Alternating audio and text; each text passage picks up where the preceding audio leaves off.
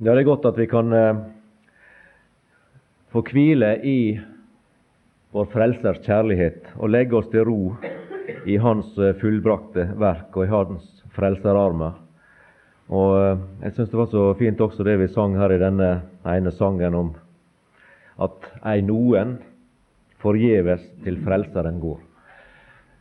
Vi kan komme til Han med alt som ligger oss på hjertet en synder kommer til Han og blir frelst, og troens barn får komme til Han med all sin nød og all sin sorg, med alle sine gleder, alle sine behov, og ingen kommer forgjeves til Han.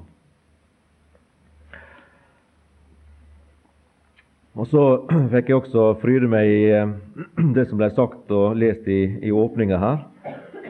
Og eh, Det går i grunnen midt inn i det som jeg har tenkt å og minne oss om her i formiddag på denne fjerde samlinga som vi har, nemlig at Gud oppfyller løfta sine i sin egen tid.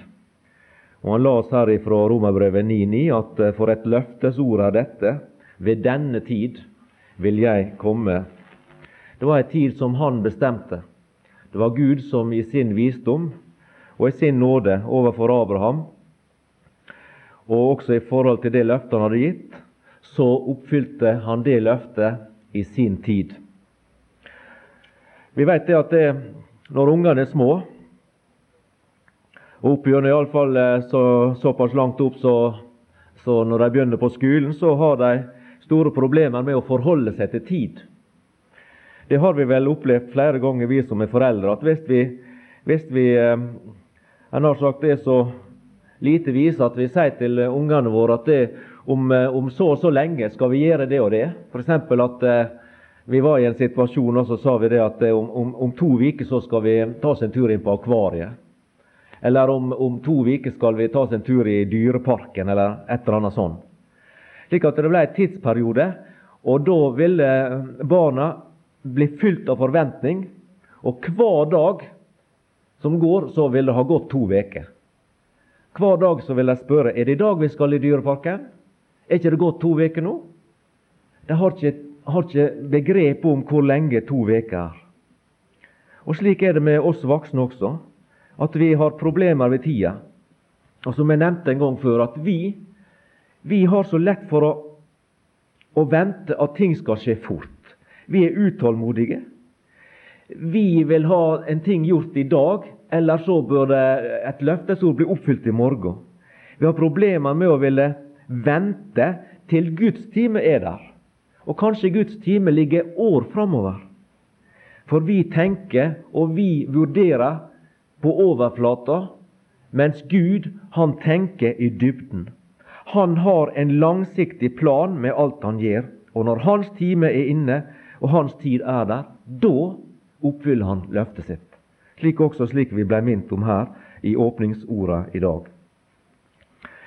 Jeg syns eh, predikeren uttrykker dette her på en fin måte og setter eh, dette med Guds regnemåte inn i sitt rette perspektiv. Eh, Predikerens bok, ja, jeg husker jeg kunne ikke annet enn smile i nær sagt skjegget. Jeg tror ikke jeg hadde skjegg da.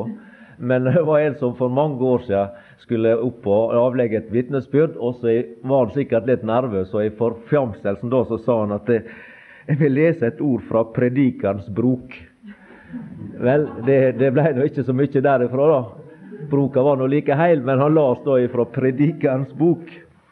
Og um, der i det tredje kapittel, ifra vers 1, eller vi leser ett og annet verset. Vers 1 i Predikeren 3. Alt har sin tid, og en tid er der satt for hvert foretagende under himmelen. Og hvis vi går til 11 Alt har Han, altså Gud, alt har Han gjort skjønt i sin tid. Også evigheten har Han lagt ned i deres hjerte, men således at mennesket ikke til fulle kan forstå det verk Gud har gjort fra begynnelsen til enden. Men alt har Han gjort skjønt i sin tid. Og um, i vers 17 Da sa jeg i mitt hjerte Gud skal dømme den rettferdige så vel som den gudløse. For hos ham er det fastsatt en tid for hvert foretagende og for alt hva som gjøres. Og det er klokt av deg og meg som et Guds barn å lære oss å se det, eller innse det, og liksom falle til ro eh, på dette at det er Guds tidsrekning som er den beste for oss. Ikke vår tidsrekning, men at Guds tidsrekning er den beste. Og at vi kan legge oss til ro i løftene og stole på og ha tillit til at Han vil, når Hans time er der, så vil Hans løftesord bli fullbyrda. Like så sikkert, som vi også ble minnet om her i åpninga, like så sikkert når det gjelder løftet som ligger framfor oss, som vi har sett oppfyllelsen av løftet tidligere ut ifra Guds ord. Og han, eh, Henrik nevnte også ut ifra Hebreabrevet, og der vil jeg også oppholde meg liten grann i, i formiddag. Fordi at Hebreabrevet er et veldig 11, kapittel 11 er et veldig godt eksempel, eller der fins flere eksempel, må jeg vel si, på hvordan Gud behandla eh, sine troende i Gammeltestamentets tid, og hvordan han med disse her som, som er fortalt om der, viste at han hadde sin timeplan. Han venta med oppfyllelsen av løftet. Ja, Det forteller oss i dette kapitlet at det var troende mennesker som opplevde at de levde hele livet sitt uten å få oppleve oppfyllelsen av Guds løfte. De fikk oppleve at Gud hadde sin timeplan. De levde ved tru, de stolte på Gud, de hadde tillit til Han, og de regna med at Han ville oppfylle løftet, sjøl om de ikke forsto, kanskje. Det er vanskelig for oss å si det, men de var vel slik, de som oss, at de kunne ha vanskeligheter for å forstå hvorfor Gud drøgde, hvorfor Han venta, hvorfor ikke det skjedde, men at det gikk år og år og år uten at oppfyllelsen kom, og de kanskje gikk i grav også uten å se oppfyllelsen. At Gud strekte tida for oppfyllelsen utover deres levetid. Og La oss eh, stanse en liten stund til ved Abraham. Vi kan jo slå opp der, i, dere har vel gjort det kanskje, i kapittel 11. Og så stopper vi litt ved Abraham der. Det begynner om han i, i, i vers 8. Ved tro var Abraham lydig da han ble kalt. Han hadde jo et møte med Gud, eller omvendt. Gud hadde et møte med han der i Ur i Kaldea, der han kom med ei, ei oppfordring, ei utfordring til Abraham om at eh, han ble kalt til å forlate landet sitt og folket sitt. og, og eh, som det står her, så han drog ut til det sted han skulle få til arv. Og han drog ut uten å vite hvor hen han skulle komme. Ved tro oppholdt han seg som utlending i det lovede land, som i et fremmed land, idet han bodde i et telt sammen med Isak og Jakob, medarvingene til det samme løftet. For han ventet på den stad som har de faste grunnvoller, og som Gud er byggmester og skaper til. Og Hvis vi går til vers 13, så står det om disse at i tro døde alle disse, også de som var nevnt foran Abraham da, og Sara og disse. I tro døde alle disse uten at de hadde oppnådd det som var lovt. Men de så det langt borte og hilste det og bekjente at de var fremmede og utlendinger på jorden. For de som sier slik, de gir derved til kjenne at de søker et fedreland. Og dersom de hadde tenkt eh, på det som de var kommet fra, da hadde de jo hatt tid til å vende tilbake. Men nå stunder de etter et bedre. Det er et himmelsk. Derfor skammer Gud seg ikke ved dem, ved å kalles deres Gud, for han har gjort en stad ferdig til dem. Her levde Abraham i tro dette livet, og eh, det gjorde også de andre som er nevnt her, Enok og Noah og disse. Og så blir det sagt om dem at alle disse, de døde uten at de hadde oppnådd det som var lovt. Men de så det langt borte og hilste og bekjente at de var fremmede og utlendinger på jorden. Så de måtte på en måte innse det at, at eh, de, Guds timeplan for oppfyllelsen av de løftene det var ikke kommet i deres levetid. Men de så det, og levde i tru, og var derfor ikke utålmodige, men de overlot det i Guds hand og i Guds visdom å handle slik som han så det var best. Og Vi skal komme til det litt lenger mot slutten av kapittelet her, at eh, grunnen til at Gud handla sånn som han gjorde i Det gamle testamentet, det hadde noe med oss å gjøre også. For det står noe om at det ikke skulle nå fullendelsen uten oss. Der kommer inn en ny gruppe mennesker der på slutten, skal vi se. Men eh, tenk, eh, tenk, på Isak, Jakob og Josef. Det står litt om dem også i vers 20 og utover. Ved tro velsignet Isak Jakob og Esau med syn på det som skulle komme. Ved tro velsignet Jakob døende hver og en av Josefs sønner og tilba bøyet over knappen på sin stav. Ved tro talte Josef på sitt siste om Israels barns utgang og ga påbud om sine ben. Alle disse herre hadde kunnskap om Guds løftes ord til Abraham, om landet, om det lovede land. Abraham opplevde jo ikke å ta land i besittelse. Han levde som fremmed og utlending i landet og bodde i telt, som vi la om her. Men han overleverte løftesordet til sine etterkommere. Og her leser vi om, eh, om Isak og Jakob og Esau.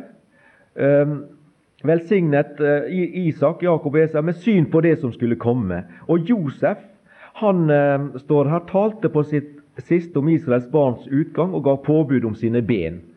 Han visste hva Gud hadde lovt. Han trodde på Gud, at Gud i sin tid skulle oppfylle sine løfter.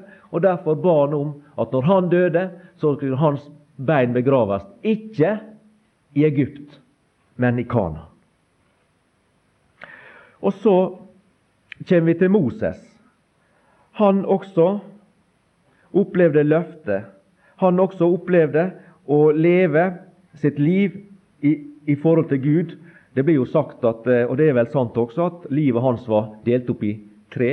Først så brukte han 40 år på, på faraos og Egypts visdom.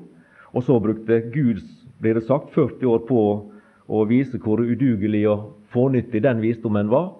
Og så brukte Gud han 40 år som sin medarbeider. Men Moses han også fikk kunnskap og kjennskap til Guds løfte. Og han gjorde valg av den grunn. Valg som eh, kanskje tilsynelatende førte han ut i problem og vanskeligheter og motgang og sorg og nød. Men han så lenger enn til nuet. Han så, som her står da, at han så fram til lønnen, står det i vers 26. Han eh, valgte, vers 25, heller å lide ondt sammen med Guds folk enn å ha en kortvarig nytelse av synden, og akta Kristi vannære for en større rikdom enn Egyptens skatter, for han så frem til lønnen. Han gjorde valg i livet der han velgte de verdiene som er knytta til den evige verden. Slik som Jesus også sa, samle ikke dere skatter her i verden, i, i materielle ting, der det ruster og tæres og blir, blir, det forsvinner. Men samle dere skatter i himmelen, for de himmelske skattene, det er evige skatter. De jordiske ting får ikke vi ta med oss. De legger vi bak oss når vi passerer grensa mellom liv og evighet. Men de himmelske skattene, de får vi med oss inn i den evige verden. Og de skatter vi har samla, kan vi en gang få legge ned for Frelserens fot, til hans pris og hans ære. Slike valg gjorde Moses. Slike valg blir du og jeg også stilt på. Vi også, i vår hverdag, blir stilt på valg, der vi får valget mellom å bekjenne vår Herre Jesus Kristus, bekjenne oss sammen med Hans folk, og heller velge verdens vanære, verdens forakt, motstand ifra, ifra verdens mennesker. Vi blir også stilt på valg overfor å, det å nyte en kortvarig synde ute i verden, enn å velge å leve livet vårt på Jesus side med det, det som det fører med seg. Det er stadige valg for oss i vårt daglige, praktiske troesliv. Og Moses han gjorde valg som førte han eh, han så fram til ei lønn som ikke var i krone og øre. Han så fram til ei lønn som ikke var, var kan vi si, popularitet og, og, sånt i denne verden. Han så fram til ei lønn som var en lønn som han ville få utbetalt, for å si det slik, i den evige verden. Hvis vi går til eh, vers 39, så står det at det, og enda alle disse Nå har vi hoppa over en masse vitnesbyrd fra troende som på ulike måter fikk oppleve dramatiske ting i livet. Veldig dramatiske ting. Som vi som er her, er spart for, alt i hop. Av det som står der. Det er nesten utrolig å lese om det. Om det som, som mange av dem opplevde. Men det står om at enda alle disse fikk vitnesbyrd for sin tro, oppnådde de ikke det som var lovt. Mange kjente og ukjente troende blir nevnt i Hebreabrevet 11. Men det som var felles for dem alle, samme hva slags livserfaring de fikk, så opplevde alle sammen at det, de fikk vitnesbyrd for sin tro. Derfor er det havna i Hebreabrevet 11, i troens kapittel i vitnesbyrdets kapittel. Så det er så, og Vi la som i går at det, himmel og jord skal få gå, men ordet skal aldri forgå. gå. Det skal stå som en, e, et evig vitnesbyrd. Gud har plassert dem inni her som et evig vitnesbyrd om at de levde sitt liv i tru. Men de oppnådde ikke det som var lovt. Fordi Gud forut forut. Gud er heldigvis ikke slik som vi hører om oss mennesker i åpningsorda, at eh, vi lover, og så tenker vi gjennom løftet etter at vi har gitt det, og så angrer vi, for vi ser da kanskje at vi ikke klarer å holde det. Og så blir vi etterpåkloke. Men Gud han er ikke sånn. Gud han er sånn at han tenker forut, og så gir han løftet, og så står han ved det. For han er sann i alt han gjør. Han lyver ikke som vi også hører. Fordi Gud forut hadde utsett noe bedre til oss. Her kommer en ny gruppe mennesker inn. Her er det snakk om de, de som opplevde å leve i tru, men som ikke opplevde, oppnådde det som var lovt. Hele denne rekka av de gammeltestamentlige hellige som blir nevnt. Og så kommer plutselig inn en ny gruppe som heter oss. Og det må vel være Nytestamentets troende, altså vi som lever i, i nådens tidsperiode. Gud han hadde tenkt på oss også. Lenge før at den nye pakt ble oppretta, så hadde Gud forut utsett noe bedre for oss. Og så gjorde han slik som han gjorde. Han laga sin plan sånn som han gjorde, og fullførte sin plan sånn som han gjorde med hensyn til de gammeltestamentlige troende, slik at alle de, på tross av at de levde og fikk vitnesbyrd om tro, så oppnådde de ikke det som var lovt. For Gud tenkte også på oss. Så de Altså de som døde, alle disse som døde. Så de ikke skulle nå fullendelsen uten oss. Og Derfor så skal vi oppleve det, at vi skal få et felles, et møte med disse herre i herligheten en gang. Når vi opplever fullendelsen, eh, da skal vi, som det står i, i ordet om at det vi skal det skal bli bryllup, og vi skal sitte til bords med Abraham, Isak og Jakob i Guds i Guds rike. Da vil det var ei storsamling i den himmelske verden av gammeltestamentlige hellige, av nytestamentlige hellige. Og Der kan du og jeg sikkert, går ut fra, kunne intervjue både når Moses og når Abraham og preike litt med både den ene og den andre. Og få høre deres vitnesbyrd om Herren Jesus, hvordan han brakte dem gjennom det livet de opplevde at eh, han bevarte dem i all den nød og motgang som vi leser om her i Hebreabrevet 11. Det står jo om at eh, de lei de største eh, pinsler og sånn som vi ikke kan fatte og forstå. Men som dessverre skjer den dag i dag, faktisk, men ikke i Norge. Men rundt omkring i enkelte land i verden så blir nok også troens folk i dag, enkeltkristne, de opplever noe av det som står her i Hebreabrevet 11. Derfor så syns jeg at eh, når vi da går til kapittel 10 og vers 23 Det er et ord som er blitt lest tidligere i eh, denne weekenden. Hebrevbrevet 10, 23. La oss holde uryggelig fast ved bekjennelsen av vårt håp, for Han er trofast som gav løftet. Dette ordet her, at eh, Han er trofast som ga løftet, det forteller meg at løftene i Bibelen de får sin egentlige oppfyllelse i Kristus. Det er Han som er nøkkelen til oppfyllelsen av Guds løfte. Og Det leser vi også om i 2. Korintiarbrev, det første kapittel og, og 20. vers. 2. Korintiabrev 1,20, der det står rett ut sagt at for så mange som Guds løfter er Og vi har lest eh, disse møter nokså mange Guds løfter fra Det gamle og Det nye testamentet. Og det er jo bare en liten brøkdel av det som fins i Bibelen. For så mange som Guds løfter er, i ham, altså i Kristus, ser vi i vers 19, for Guds sønn, Kristus Jesus, han som ble forkynt, osv. For så mange som Guds løfter er, i ham har de sitt ja. Derfor får de også ved ham sitt amen. Gud til ære ved oss. For så mange som Guds løfter er, i ham får de sitt ja. Derfor får de òg ved ham sitt amen. La oss holde uryggelig fast ved bekjennelsen av vårt håp, for han er trofast som gav løftet. Han som gav løftet, er trofast. Og for så mange som Guds løfter er, i ham har de sitt ja og sitt amen. Og eh, Jeg syns det er veldig fint også å tenke på dette der at det å, å bli stille for og rolig for hvem det er som gir løftet, som vi har vært inne på tidligere.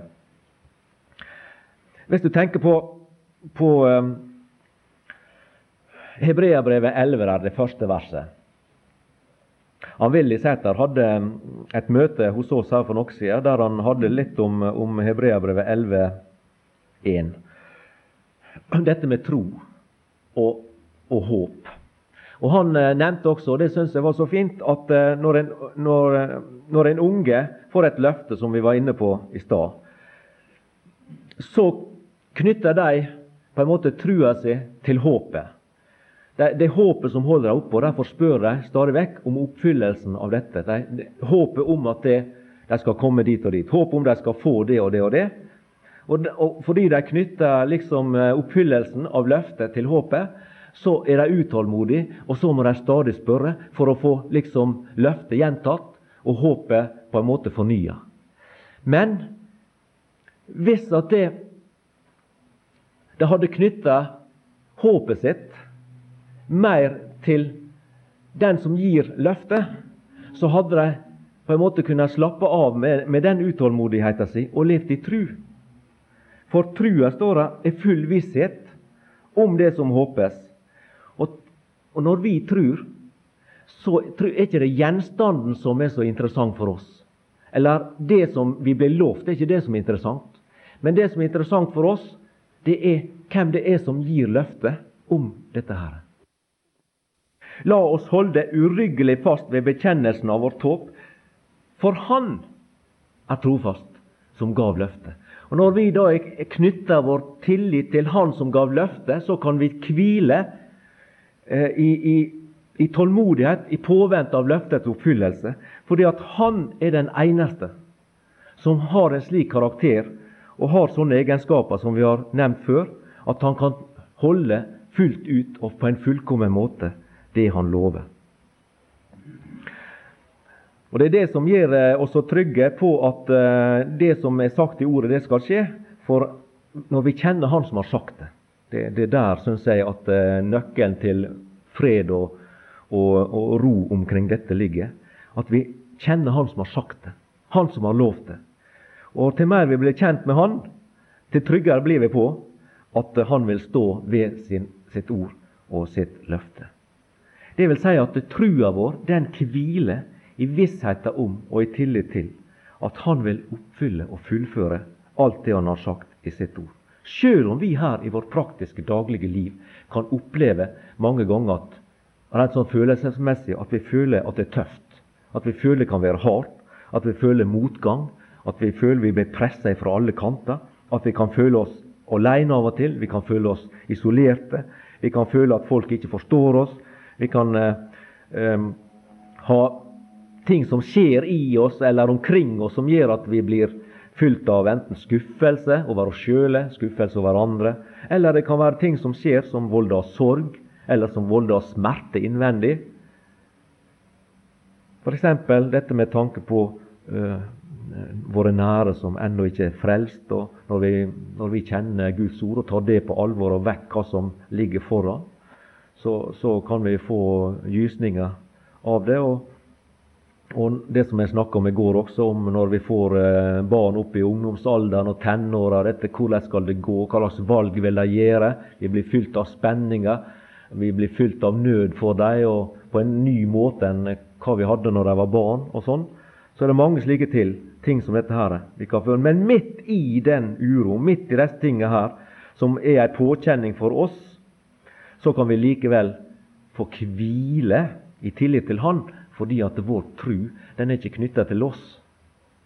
Vår tru er ikke festa i oss, men er festa i Han. Og Han kjenner vi etter hvert så godt, og vi vet at Han vil oppfylle sine løfter i sin tid. For det er nok sånn at vi, vi, vi som er troende, vi har ikke noen forsikring om at eh, vårt liv som troende skal være, som det heter i et uttrykk, at det, eh, skal være dans på roser. At det skal være lett troeslivet skal være lett og, og, og bekymringsløst og, og, sånn. Sånn rent menneskelig talt. Nei, vi kan, som er Guds barn, vi blir, eh, vi blir plaga med nær sagt de samme plagene som verdensfolk. Vi blir syke, og vi blir trøtte, og vi kan bli mismodige, og vi kan bli deprimerte. og Vi kan oppleve alle disse her fysiske og psykiske ting som andre gjør som ikke tror på den Herre Jesus. Og vi ligner La vi lese Salme 23, noen vers, nei 73, mener jeg. Han Asaf der, han eh, syns jeg uttrykker erfaringer i sitt liv, som vel de fleste av oss også som har levd noen år, eh, må si oss enig i at eh, slik har vi også kunnet oppleve av og til. La vi ta Salme 73, vers 2 og 3 først. Men jeg, nær hadde mine føtter snublet, på lite nær var mine trinn glitt ut. For jeg harmedes over de, over de overmodige da jeg så at det gikk de ugudelige vel. Han så på de ugudelige og syntes at det, det var noe fortærende og forferdelig at det, det skal nå gå så greit for dem. De som forkaster Gud og fornekter Gud og håner og spotter Gud, de går det godt, mens jeg har plager med både det ene og det andre. Og jeg er et Guds barn. Skal ikke det være noen fordel for meg? Er Gud glemt meg? Bryr ikke han seg om meg? Siden han behandler meg på en sånn måte, mens de som er hans motstandere og fiender, de ser ut til å lykkes med. De har suksess, og de oppnår både ditt og datt. Eh, hvis vi går til vers 11, så sier han videre om de, om de da, disse ugudelige. Og de sier hvorledes skulle Gud vite noe? Er det vel kunnskap hos den høyeste? Se, dette er det ugudelige og evig trygge vokser de i velmakt. Slik tenkte han når han sammenligna. Og Grunnen til var kanskje det at han var så opptatt med disse tingene her, opptatt med sine egne plager, opptatt med, med sine, det som hendte han, at han så liksom ikke lenger. Og, og, da var det like før, som han sier i vers 2, der, at nær hadde mine føtter snublet, på lite nær var mine trinn glitt ut. Men så sier han da i vers 17.: Inntil jeg gikk inn i Guds helligdommer og ga akt på deres, deres endelikt. Inntil jeg gikk inn i Guds helligdommer. Da fikk han liksom sett tinga i sin, sitt rette perspektiv.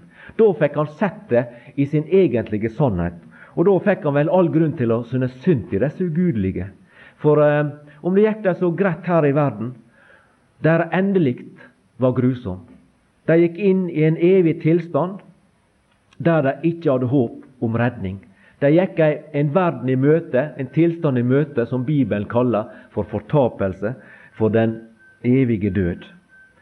Mens han, han levde i fellesskap med Gud, og han hadde himmelen i vente, for å bruke det uttrykket.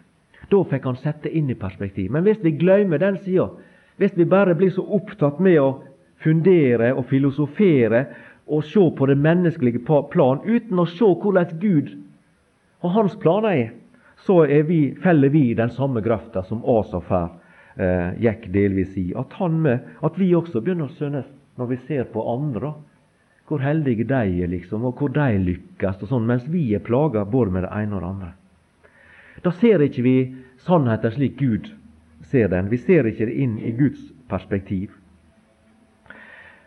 Vi kan bli så opptatt av denne verden som vi lever i, og med de forskjellige eh, plagene som finnes her, at vi taper synet liksom av, eh, av, den kommende verden, og at vi ikke ser eh, vårt liv og dette her i det rette perspektivet.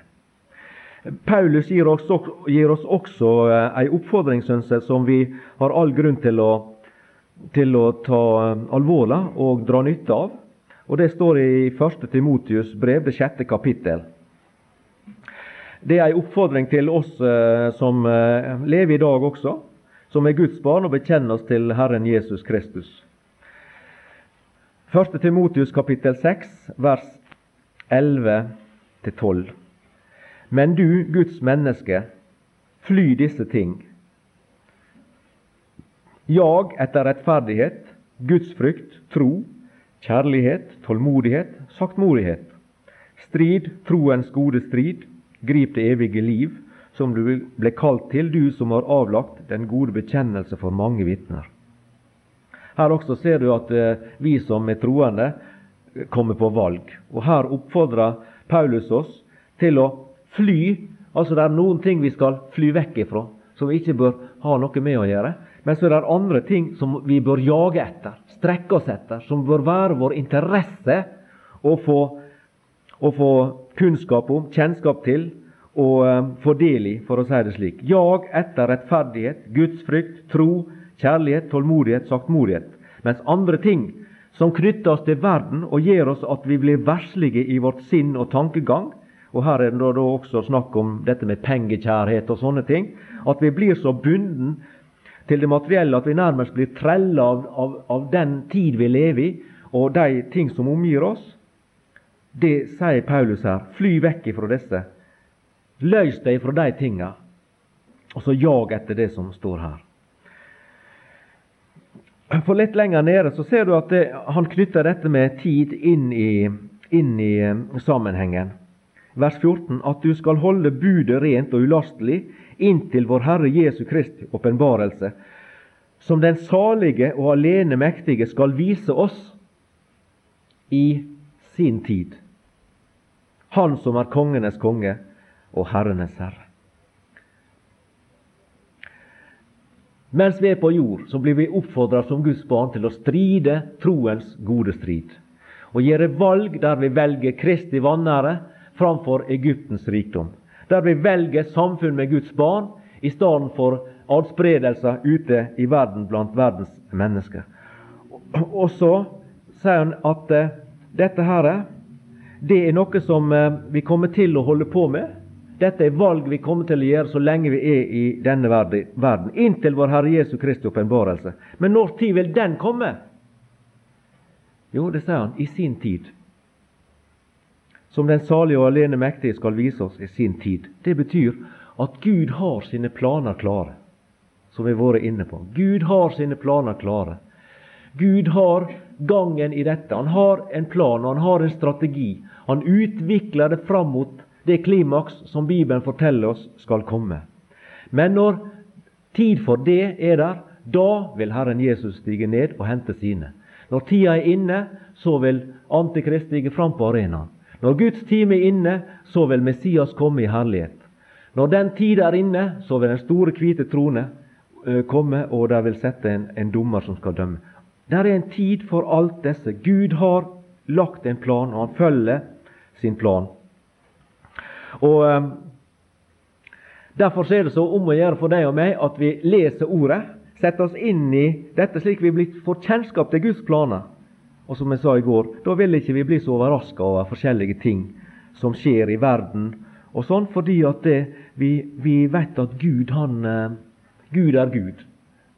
Jan Peter Dass som, som sa det i sin tid. Gud er Gud om alle land lå øde. Og Gud er Gud om alle mann er døde. Ingen kan rokke med Guds planer. Ingen kan rokke med Guds planer.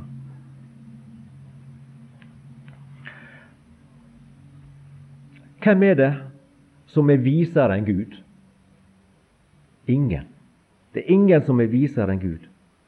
Alle Guds løfter har fått sin oppfyllelse eller vil få sin oppfyllelse i Guds time. Alle de som tar imot den Herre Jesus Kristus som frelser og Herre i sitt liv, de får syndens forlatelse. De får evig liv. De skal, som Johannes 3, 16 sier, ikke fortapes. Og Efeserbrevet 1 og vers 3 eh, gir oss herlige, denne herlige informasjon om at det, som der står, lovet være Gud og vår Herre Jesu Kristi Fader, Han som har velsignet oss med all åndelig velsignelse i himmelen i Kristus. Det er noe som vi alle sammen, enten vi er unge eller vi er eldre, så er det noe som du og jeg eier, noe som vi har. Han har velsignet oss med all åndelig velsignelse i himmelen i Kristus. Og eh, Det var vel kanskje han Aurebekk som sa det også en gang, at eh, når vi har er velsigna med all åndelig velsignelse, så er denne her, den er liksom eh, på bankboks i himmelen. Det er i himmelen i Kristus. Så hvis vi som troende lever åndelig fattige, og lever liksom eh, på smuler, åndelig talt, så er ikke det vår Herre og Frelser sin skyld. Men det må jo være av den grunn at vi ikke har eh, tatt ut ifra banken eh, de velsignelsene som vi har fått. Og der er noe i det, tror jeg. At én ting er det at Han har velsignet oss med all åndelig velsignelse i himmelen i Kristus. Men hvis vi liksom i erkjennelse og følbart skal få oppleve noen av disse velsignelsene i vårt troersliv, så må vi hente dem ut. Ta dem til oss, tilegne oss dem, gjøre dem til våre. Forbruke dem, for å si det på den måten. Det ble jo fortalt, og jeg synes det, det er jo en drastisk fortelling, men det illustrerer jo litt. da. Det var snakk om en sånn indisk En sånn, Hva det heter nå? som eide voldsomme, en sånn fantastisk rik med svære slott og, og voldsomme greier. Og han eh, hadde dekka svære langbord. ikke sant? De menga seg med all verdens retter, og, og, det viste også. da. Og så skulle han være hjemme alene. Men da hadde han altså blitt så Når han skulle plasseres ved bordet, da, så måtte han ha tjenere til å, å, å, å mate seg, for å si det slik. Hvis han skulle bli alene, da, så nådde ikke han fram til matbordet. Og slik er det mange mennesker. De er på en sånn måte at de, de, de, Gud har dekka bord, men en når ikke fram til matbord på en måte. Eller hvis en når fram, så føler en seg at en er så mett av disse verdens ting at vi har ikke behov for å ete Guds mat. Og Det kan ikke vi bebreide Gud, at Han dekker bord, og vi ikke vil ete. Og Derfor så er dette verset her en veldig fint vers som i hvert fall viser oss fra Guds side hvor rike vi er på den åndelige velsignelsen. Han har velsigna oss. Og hvis du føler at du lever et fattig liv som troende, så kan det endre seg hvis du begynner å ta disse velsignelsene i bruk som Han har velsigna deg med, men som du på en måte ikke vil ta i eie fordi du velger å ikke gjøre det. Og Så står det i eh, vers 7 da, at uh, i hvem vi har forløsninger ved Hans blod, syndenes forlatelse etter Hans nådes rikdom. Og er det noe du og jeg trenger, så er det syndenes forlatelse. Det, den, det fikk vi når vi kom til Han den første gang, og det får vi leve i hver dag. Og det, det er noe som gleder meg veldig. For eh, til eldre jeg blir, til mer må jeg erkjenne det at, eh, som Paulus sier, i meg, det er mitt kjøtt, der bor intet godt. Så hvis ikke jeg skulle være, få være i kontakt med en Gud som tilgir synd, så vil jeg være ille ute. Men jeg er glad for at han er slik. Han er full av nåde, han er full av frelse, han er full av barmhjertighet, han er full av miskunn, han er full av syndenes forlatelse. Og også denne syndenes forlatelse vil han gi oss i forhold til hvor rik han er, etter sin nådes rikdom.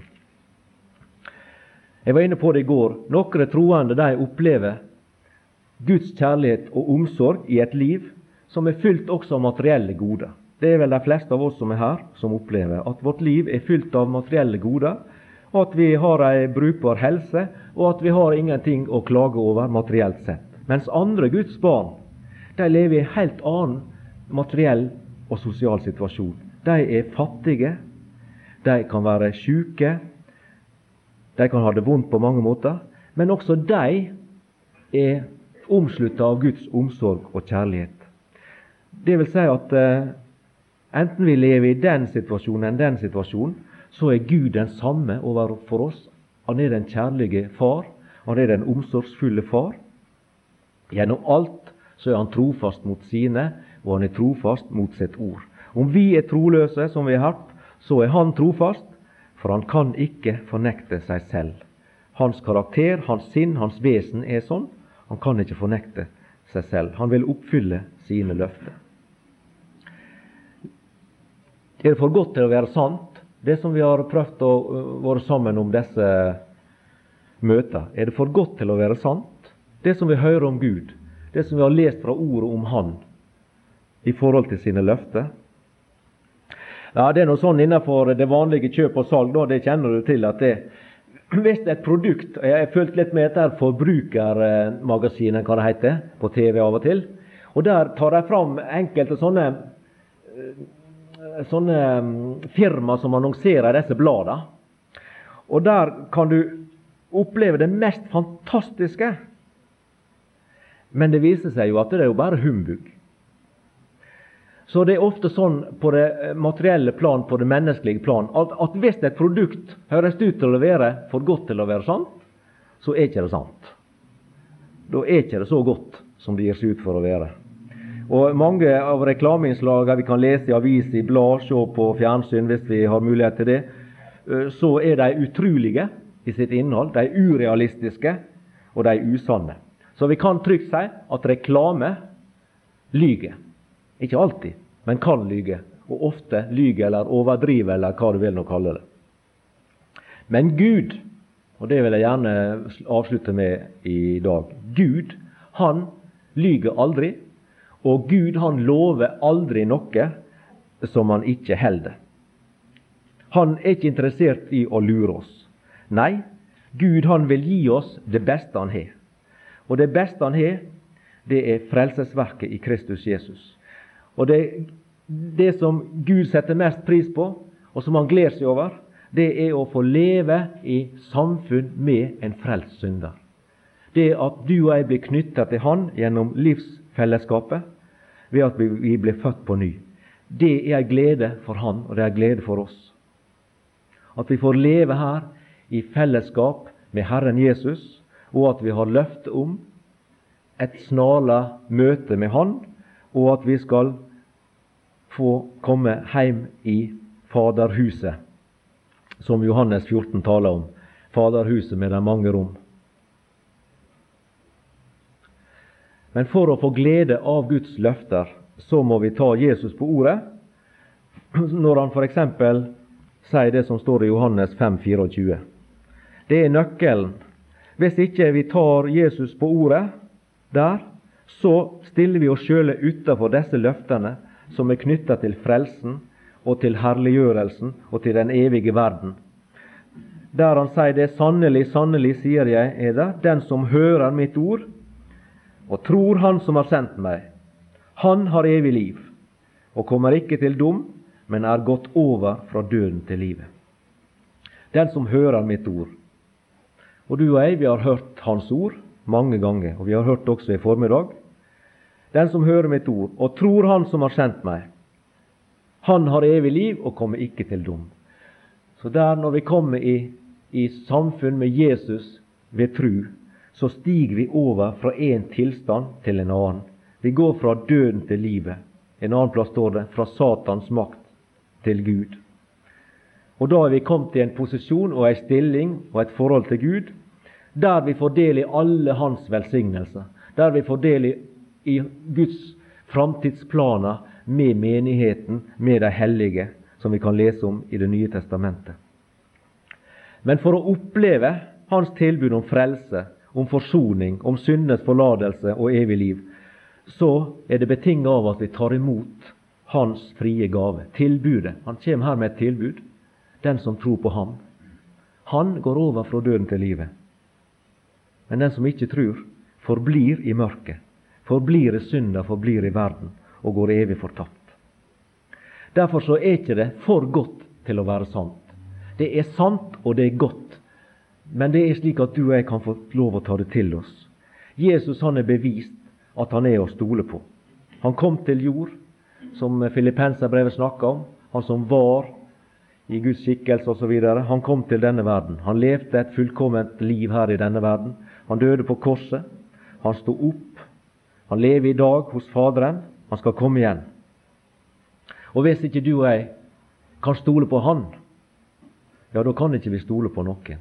Han er den person som er mest å stole på av alle, og han er den eneste vi kan stole på. Han har vist gjennom boka si, Bibelen, og de løfter som han har gitt, og som han har oppfylt til punkt og prikke, det han har vist i fortida at han er å stole på. Han har vist i nåtida, i det livet vi lever i fellesskap med Han, at Han er å stole på. Og vi har all grunn til å tro at det som gjelder framtida, kan vi også fullt ut sette vår tru og tillit til Han. At Han vil gjøre det som Han har lovt i ordet sitt. Om du ikke har gjort det før, så vil jeg til slutt si det. Ta imot Jesus. Ta Han på ordet. Tru for din egen del at Han døde også for deg. Hvis du gjør det, så kan du på løftenes grunn leve troens liv. Takk, Herre Jesus, for min del, for at eh, det er noe som jeg har fått opplevd i mitt liv. At du, du greip meg. Takk for at du var hyrden som gikk ut i ørkenen og lette opp det ene fåret. Og jeg var et av disse enslige får som var ute i ørkenen. Takk for at du fant meg. Du tok meg opp og la meg på dine skuldre. Du eh, bar meg heim, slik at jeg i dag i deg er heime. Takk for hver enkelt, Herre Jesus, som du er frelst. Takk for alle her inne som er frelst. Takk for alle som har sagt ja til deg i sitt hjerte. Når vi er dine, da eier vi alle løfter som er knytta til din familie, til dine barn. Og takk for at du, Herre, har vist deg å være en som vi kan stole på. Takk for det at vi kan legge oss til ro i tillit til at eh, du er løftenes Gud. Du vil oppfylle dine løfter, men du gjør det i din tid. Lær oss å være tålmodige. Hjelp oss, Herre, til å gå inn i Ordet og gjøre oss kjent med dine planer, med dine løfter, og bli kjent med deg, slik at vi lever vårt troersliv i tro og tålmodighet og overlate oppfyllelsen til deg, du som er den som vil oppfylle alt til sin tid. Velsign venneflokken her, Herre. Ta det av hver enkelt. Ta det av de unge. Hjelp deg, Herre, i deres daglige liv, ute i arbeid og skole. Hjelp deg til å, å stå fram og vitne for andre om deg. Hjelp deg til å tone rent flagg når de kommer i pressa situasjoner. Gi deg, Herre, nåde til hjelp i rette tid, og det vil vi be om også for vår del, vi andre, vi som er eldre. Alle sammen trenger din miskunn og trenger din nåde til hjelp i rette tid. Så ber jeg om velsignelse over arbeidet her på plassen videre. Gi deg nåde, gi deg visdom, gi deg kraft og styrke, frimodighet til å fortsette i tjenesten for evangeliet. Amen.